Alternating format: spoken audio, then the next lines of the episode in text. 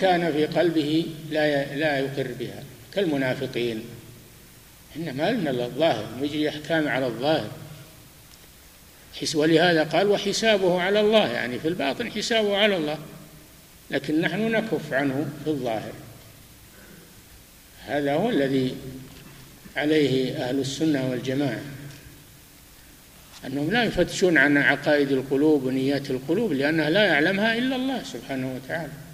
ما لنا إلا ما ظهر. نعم.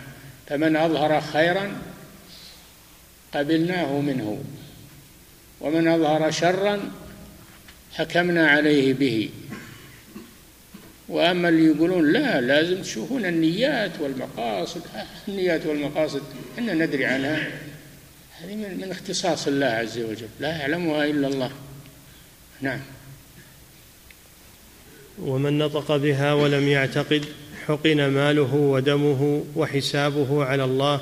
حسابه على الله فيما بينه وبينه في الباطن هل هو صادق ولا كاذب؟ نعم. ومن نطق بها ولم يعتقد حقن ماله ودمه وحسابه على الله وحكمه. ولهذا ولهذا لما أدرك أسامة بن زيد ورجل من الأنصار رجلا من المشركين ورفع عليه السيف قال لا إله إلا الله. فكف عنه الأنصاري وقتله أسامة رضي الله عنه ظانا أنه إنما قالها ليدفع بها القتل ليدفع بها القتل. فلما بلغ ذلك رسول الله صلى الله عليه وسلم غضب على أسامة قال أقتلته بعدما قال لا إله إلا الله؟ قال يا رسول الله إنما قالها يتقي بها السيف. قال هل لا شققت عن قلبه؟ ماذا تصنع؟ بلا إله إلا الله إذا جاءت يوم القيامة. فتأسف زيد وحزن على ما حصل منه وعرف أنه أخطأ. فنحن ما لنا إلا الظاهر ولا نكشف عما في القلوب حتى يظهر منه ما يناقض لا إله إلا الله. فإذا ظهر منه ما يناقض حكمنا بردته. وأجرينا عليه حكم المرتد. نعم. ومن نطق بها ولم يعتقد حقن ماله ودمه وحسابه على الله وحكمه حكم المنافقين. نعم هل هو منافق؟ هذا المنافق. نعم. وبدنية. نعم والنوع الثالث أعمال بدنية. بدنية بالجوارح كالصلاة والصيام. التسبيح كالصلاة والصيام والجهاد في سبيل الله والحج والعمرة وغير ذلك من أعمال البدن. نعم. وبدنية كالقيام والركوع والسجود في الصلاة ومنها الصوم وأفعال الحج والطواف. نعم هذه بدنية. أفعال الحج من وقوف بعرفة ومبيت بمزدلفة ورمي للجمار ومبيت بمنى طواف وسعي هذه كلها أعمال بدنية. نعم. ومالية. والرابع مالية. النوع الرابع مالية عبادات مالية. وفي طليعتها الزكاة التي فرضها الله حقا في أموال الأغنياء للفقراء. في أموالهم حق معلوم للسائل والمحروم. كذلك صدقات تطوع. كذلك القيام بالمشاريع الخيرية كالمساجد كبناء المساجد والمدارس والمراكز الإسلامية للدعوة إلى الله. كل هذا عبادات مالية. نعم. ومالية كإخراج جزء من المال امتثالا لما أمر الله تعالى به. هذا رأس العبادات المالية الزكاة. نعم. وأنواع الواجبات والمندوبات. بعد ذلك بعد هذه الأنواع هذه الأنواع الأربعة يدخل فيها كل أنواع العبادات الواجبة والمستحبة. كلها تدخل تحت هذه الأنواع الأربعة. نعم. وأنواع الواجبات والمندوبات في الأموال والأبدان والأفعال والأقوال كثيرة. كثيرة. ولهذا قال شيخ الإسلام ابن تيمية اسم جامع لكل ما يحبه الله ويرضاه من الأعمال والأقوال الظاهرة والباطنة. هذا تعريف جامع. نعم. كثيرة لكن هذه أمهاتها. هذه الأربعة أمهاتها ترجع إليها. نعم. وإذا تقررت هذه الأمور فاعلم أن الله تعالى بعث الأنبياء عليهم الصلاة والسلام من أولهم إلى آخرهم يدعون العباد إلى إفراد الله تعالى بالعبادة لا إلى إثبات أنه خلقهم ونحوه. إذ نعم هم إذا عرفت هذا فاعلم أن الأنبياء من أولهم إلى آخرهم بعثوا بالدعوة إلى توحيد العبادة. أما توحيد الربوبية هذا موجود في الفطر يقرون به ولا يكفي لدخولهم في الإسلام ولا لعصمة دمائهم وأموالهم. هذا شيء معروف متقرب نعم. فاعلم أن الله تعالى بعث الأنبياء عليهم الصلاة والسلام من أولهم إلى آخرهم يدعون العباد إلى إفراد الله تعالى بالعبادة لا إلى إثبات أنهم أنه خلقهم ونحوه. ولم يبعثهم بإثبات توحيد الربوبية لأمرين. أولا أن هذا موجود في الناس. كيف يدعون إلى شيء موجود؟ الشيء الثاني أن هذا لا يكفي ولا يدخلهم في الإسلام ولا ينقذهم من النار. الإقرار بتوحيد الربوبية ما ما يكفي. نعم. لا إلى إثبات أنه خلقهم ونحوه إذ هم مقرون بذلك. إذ هم مقرون بذلك. ولئن سألتهم من خلقهم ليقولن الله. يقولون الله. يقرون أن الله خلقهم. نعم. إذ هم مقرون بذلك كما قررناه وكررناه. ولذا قالوا أجئتنا لنعبد الله وحده؟ أي إذا لكون الرسل بعثوا بتوحيد الألوهية قال قوم هود لهود عليه السلام أجئتنا لنعبد الله وحده ونذر ما كان يعبد آباؤنا؟ أجئتنا لنعبد الله هذا دليل على أن هودا عليه السلام دعاهم ليعبدوا الله وحده ولم يدعهم إلى توحيد الربوبية. نعم. ولذا قالوا أجئتنا لنعبد الله وحده أي لنفرده بالعبادة ونخصه بها من دون آلهتنا. لنعبد الله وحده ونذر ما كان يعبده. هذا معنى لا إله إلا الله. نفي وإثبات. نعم. أي لنفرده بالعبادة ونخصه بها من دون آلهتنا. فلم ينكروا إلا طلب الرسل منهم إفراد العبادة لله. نعم هم يعبدون الله لكن يعبدون معه غيره. وما قالوا لنعبد الله. قالوا لنعبد الله وحده.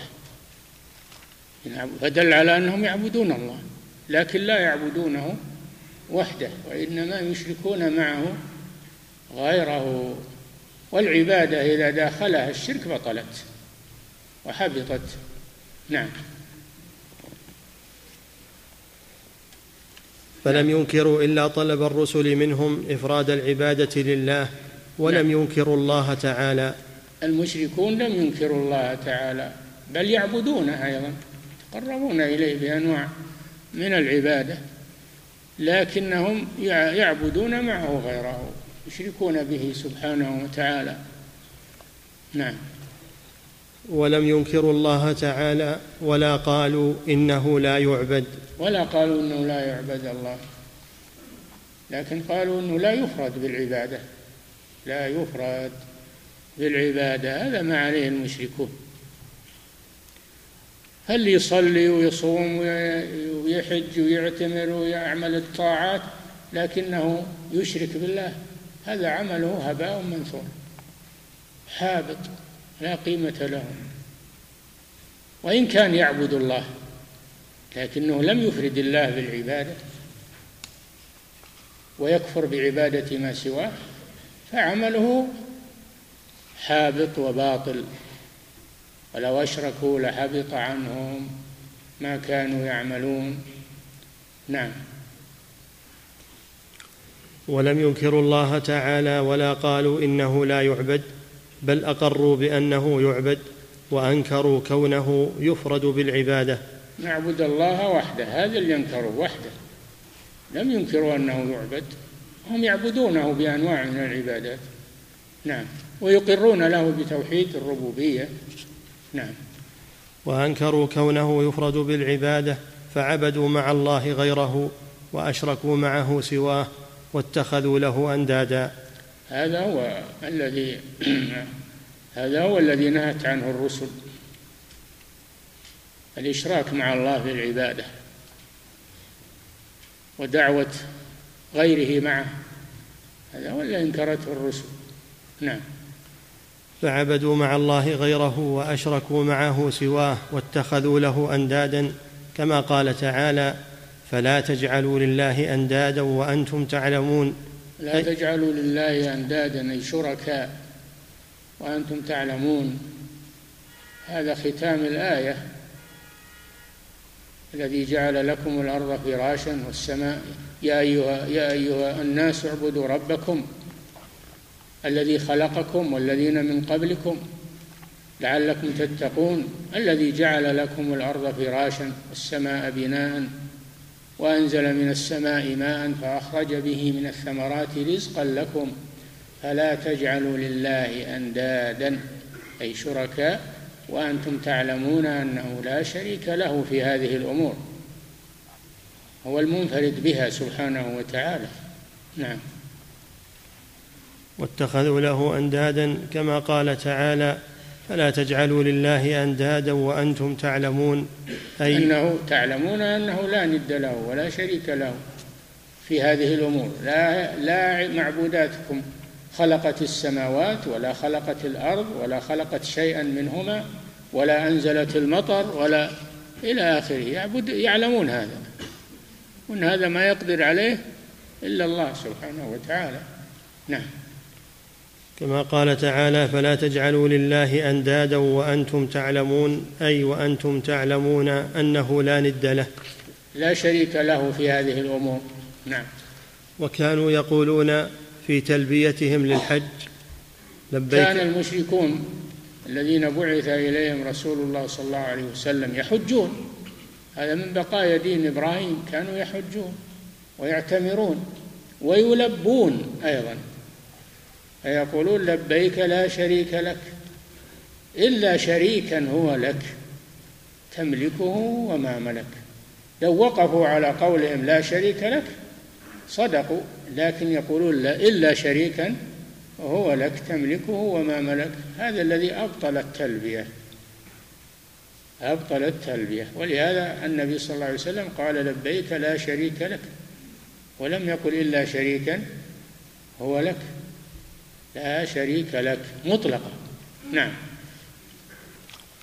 وكانوا يقولون في تلبيتهم للحج لبيك لا شريك لك إلا شريكا هو لك تملكه وما ملك. وهي معبوداتهم إلا شريكا هو لك معبوداتهم. يقولون هي من عبادك ونحن نعبدها لتقربنا إليك زلفى ولتشفع لنا عندك. هذه حجتهم. نعم. وكان يسمعهم النبي صلى الله عليه وسلم عند قولهم لا شريك لك فيقول قد قد يعني يكفي قد قد أو قطن قطن يعني كفاية لا تزيد على هذا. نعم. فيقول قد قد أي افردوا أي أفردوه جل جلاله. أفردوه. أي أفردوه جل جلاله لو تركوا قولهم إلا شريكا هو لك. فنفس شركهم بالله تعالى إقرار به. قال تعالى نفس شركهم إقرار بالله. لأنهم يعتقدون أن أن الله يعبد ولكن لا يقتصر على عبادته بل يعبد معه غيره نعم. فنفس شركهم بالله تعالى إقرار لأنهم قالوا لا شريك لك إلا شريكا هو لك. تناقضوا. أولا قالوا لا شريك لك. هم من قالوا إلا شريكا هو لك. هذا تناقض. نعم. فنفس شركهم بالله تعالى إقرار به. قال تعالى أين شركاؤكم الذين كنتم تزعمون؟ في يوم القيامة يقول الله لهم أين شركاؤكم الذين كنتم تزعمونهم في الدنيا؟ وين راحوا؟ يخلصونكم الآن؟ ما يخلصونكم الآن من العذاب.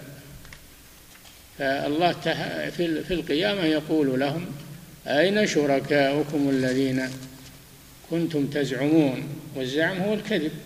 كذبتم في اتخاذهم نعم. وقيل ادعوا شركاءكم فدعوهم فلم يستجيبوا لهم.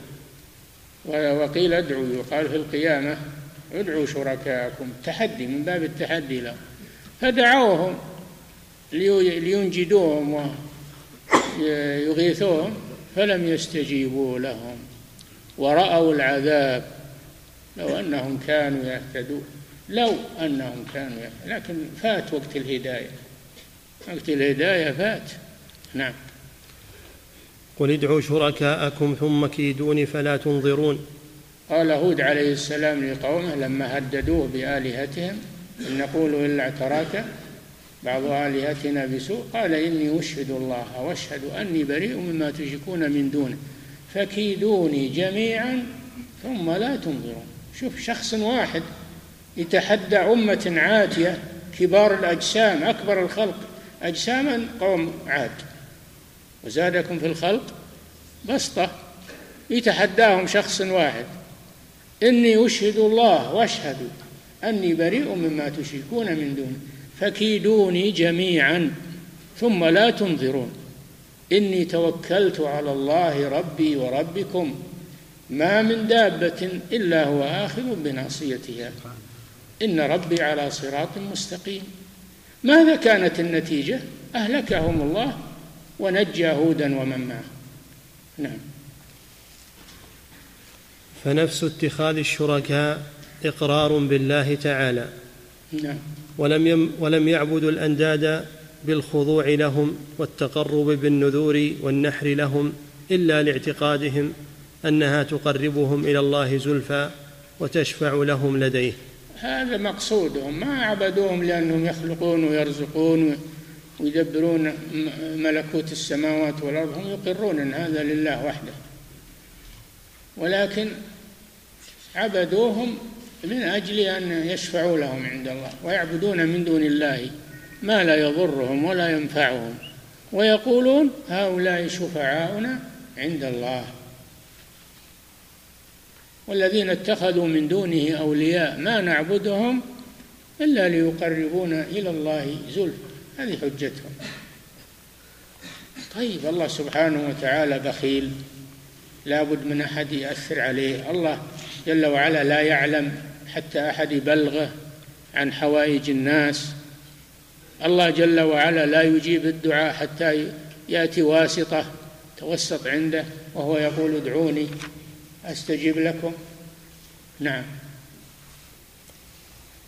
فأرسل الله الرسل تأمرهم بترك عبادة كل ما سواه. نعم. وتبين أن هذا الاعتقاد أن هذا الاعتقاد الذي يعتقدونه في الأنداد باطل وأن التقرب إليهم أن هذا الاعتقاد الذي يعتقدونه في الأنداد أنها شفعاء وأنه وسطاء وسائل إلى الله أنه باطل. ولا ينفعهم شيئا عند الله عز وجل. نعم. وأن التقرب إليهم باطل وأن ذلك لا يكون إلا لله وحده. العبادة حق لله وحده. ما يشرك معه غيره فيها. نعم. وأن ذلك لا يكون إلا لله وحده وهذا هو توحيد العبادة. هذا هو توحيد الألوهية. معناها أن العبادة لله وحده وأنه لا يشرك معه فيها غيره سبحانه وتعالى. نعم يكفي.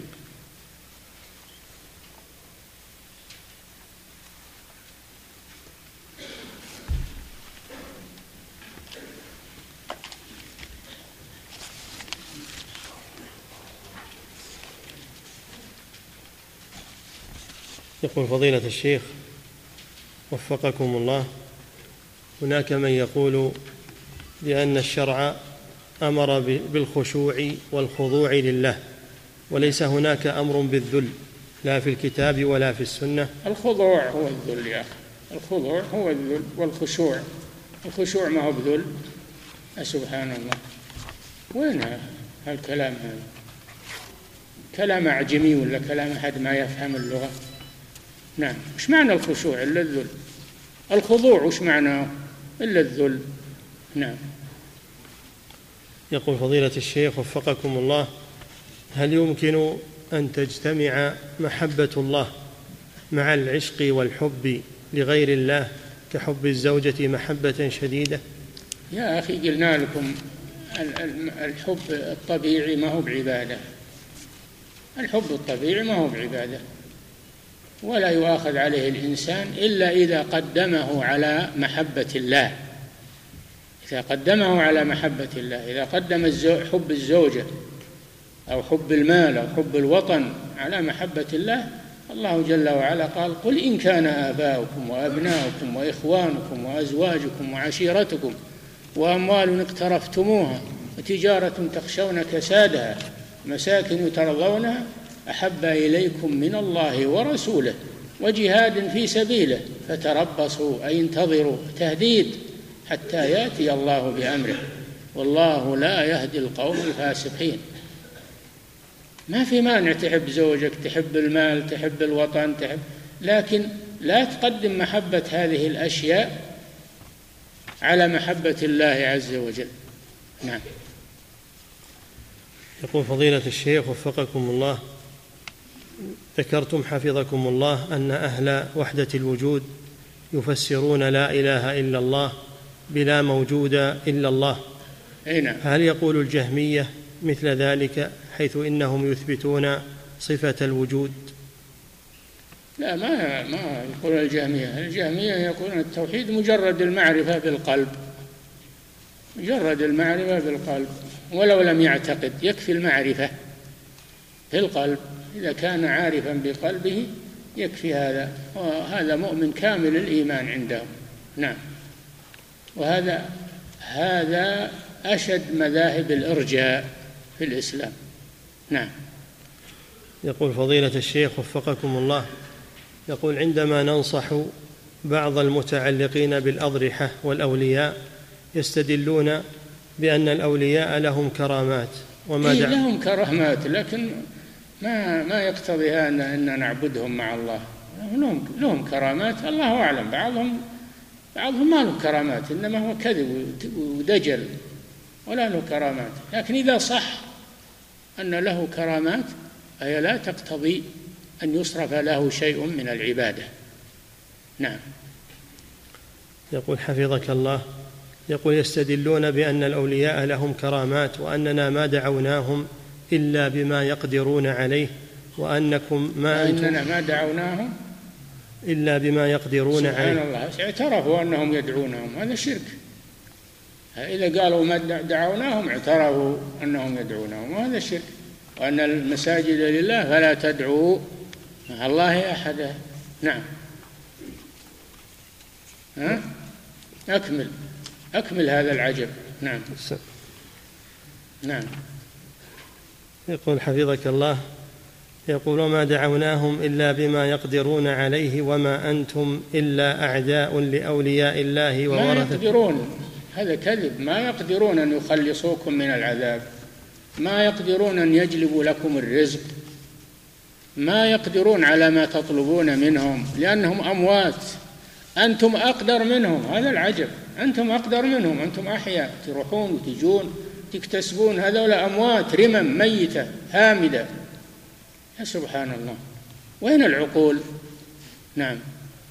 إن تدعوهم لا يسمعوا دعاءكم. ولو سمعوا ما استجابوا لكم. ويوم القيامة يكفرون بشرككم. ولا ينبئك مثل خبير. وهو الله سبحانه وتعالى. نعم. يقول فضيلة الشيخ وفقكم الله الإيمان قول وعمل يزيد بالطاعة وينقص بالمعصية. فهل, فهل من اكتفى بعمل القلب دون عمل الجوارح يكون مؤمنا؟ لا ما هو مؤمن. هذا ما هو مؤمن. الكفار كما سمعتم يعتقدون بقلوبهم لكن أبوا أن يعملوا وأبوا أن ينطقوا. نعم. يقول فضيلة الشيخ وفقكم الله يقول ما الحكم في المسلم الذي لا يعرف من معنى لا إله إلا الله أو يقول الذي لا يعرف ما معنى لا إله إلا الله فلا يعرف أنها لا معبود بحق إلا الله لكنه مع ذلك يعتقدها ويعتقد أن الله هو الرب الواحد لا شريك له فما الحكم في مثل هذا؟ كيف يعتقدها وهو يجهل معناها؟ ما يمكن. ما يعتقدها إلا إذا عرف معناها. أما إذا كان ما يعرف معناها فهو مثل الببغاء اللي تردد الكلام ولا تدري وش معناه. لا بد يعرف هو عربي. هو عربي يعرف معنى لا إله إلا الله. نعم. ولو معرفة إجمالية. ولو معرفة إجمالية يعرف. نعم. يقول فضيلة الشيخ وفقكم الله هناك كافر. قلت له لماذا لا تسلم؟ فقال أنا أشهد أن لا إله إلا الله وأن محمدا رسول الله ولكن لم يشهر إسلامه ولم يقم بالصلاة ولم يعمل أي عمل من أعمال الإسلام. فهل هذا يعد مسلما؟ لا لا يعد مسلم حتى يعمل بمقتضى لا إله إلا الله حتى يصلي ويصوم ويؤدي أركان الإسلام.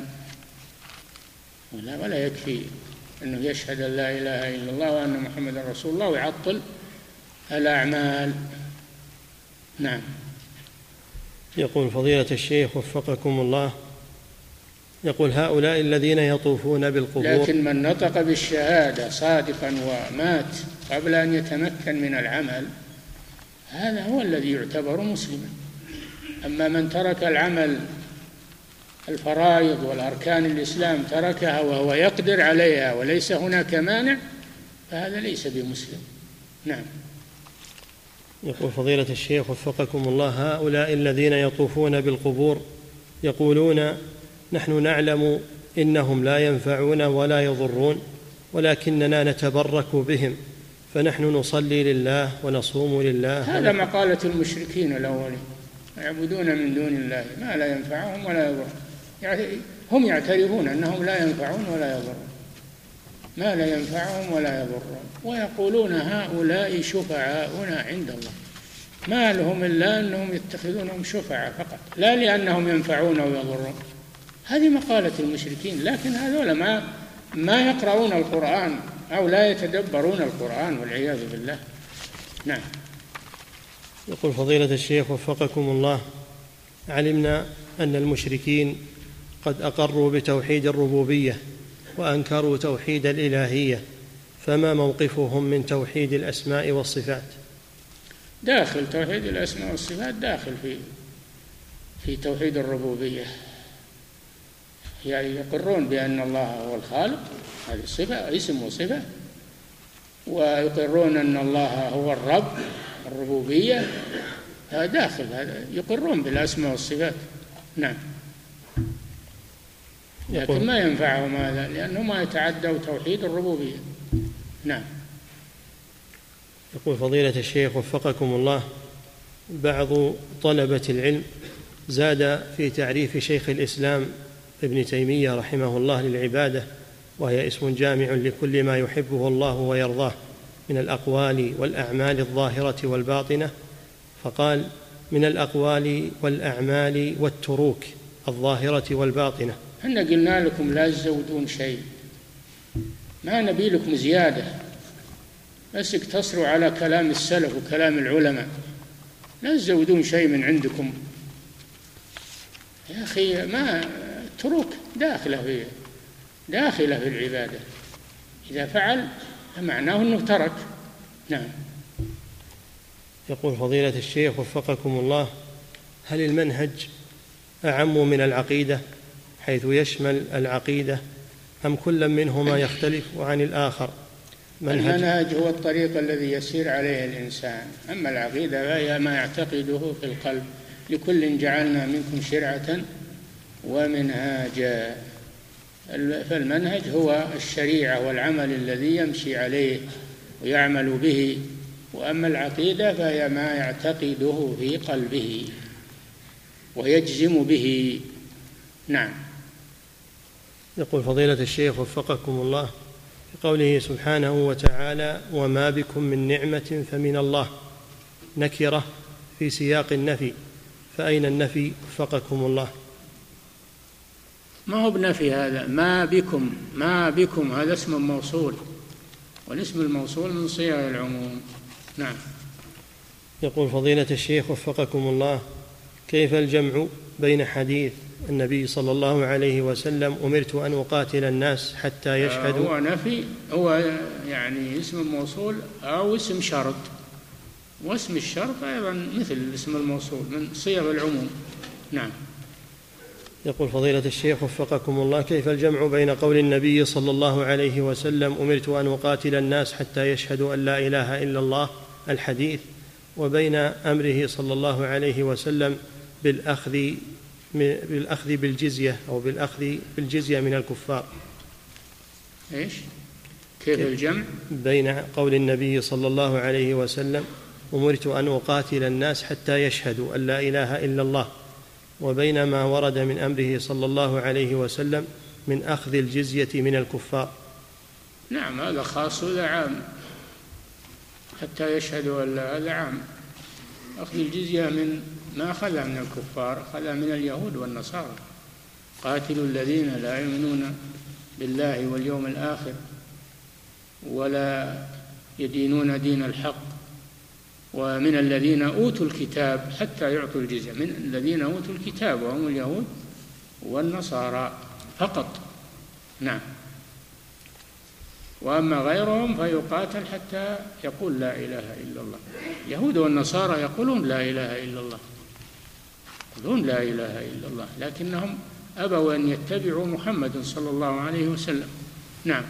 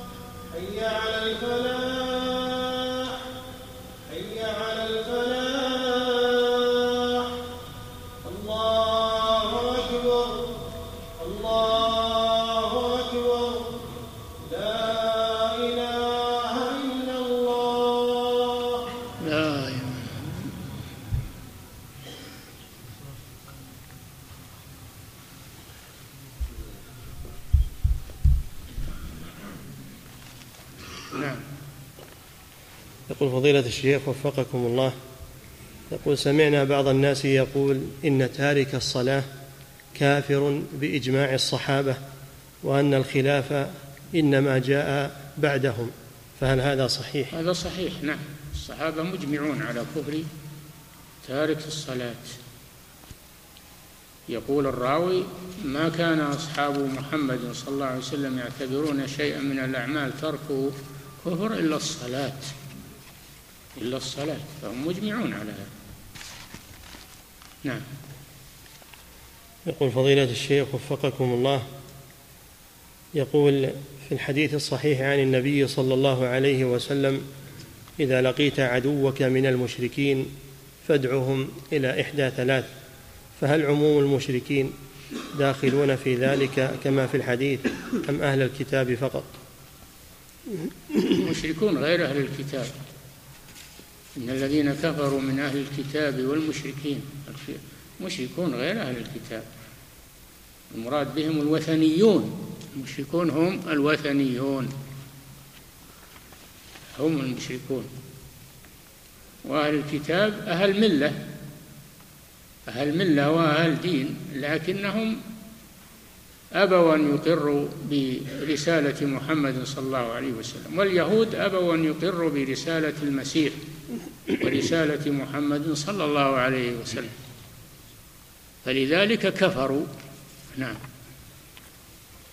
يقول فضيلة الشيخ وفقكم الله يقول قرأت لبعض علمائنا رحمهم الله أنه إذا وقع المشرك في الشرك فإنه لا مانع من تسميته مشركا فيقال فلان مشرك لأنه غير معذور. لكن عند إرادة قتله يقام عليه الحجة بتعريفه. فإذا أبى ورفض قتل. فما وجه هذا التفصيل؟ هذا تناقض. يعلم أنه مشرك ولا بد من إقامة الحجة وهو يعلم أنه مشرك. وش الحجة صار يعلم خلاص هذه الحجة. لكن هو السائل لعله يريد أنه يستتاب أنه ما يقتل حتى يستتاب. هذا صحيح ما يقتل حتى يستتاب. فإن تاب قبل. وإن أبى أن يتوب يقتل. يستتاب يحبس ثلاثة أيام ويستتاب. نعم. والذي يتولى هذا هو القاضي هو الحاكم الشرعي. ما كل يتولاه من أفراد الناس؟ نعم. يقول فضيلة الشيخ وفقكم الله يقول هل قول الرجل لآخر إذا أراد أن يفعل شيئا يقول برأسك؟ فهل هذا من الشرك اللفظي؟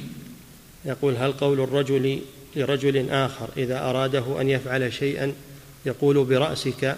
فهل هذا من الشرك اللفظي وكذلك برأسك هذا نعم. قسم حلف. هذا حلف بغير الله. برأسك بحياتك. هذا حلف بغير الله. لا يجوز هذا. قد قال صلى الله عليه وسلم من حلف بغير الله فقد كفر وأشرك. حديث في الصحيح. لكنه شرك أصغر أو شرك يخرج من الملة. شرك أصغر. نعم. وكذلك حفظك الله يقول بوالديك. كذلك. الباء هذه باء القسم. حروف القسم ثلاثة. الباء والواو والتاء. هذه حروف القسم. نعم. يقول فضيلة الشيخ وفقكم الله هل يجوز لي أن أرد السائل أي المتسول الذي يسأل في المسجد؟ وهل يجوز لإمام المسجد أن يرده وأن يمنعه؟ لا يرد السائل إلا إذا علم أنه كذاب. إذا علم أنه كذاب وله محتاج يمنع.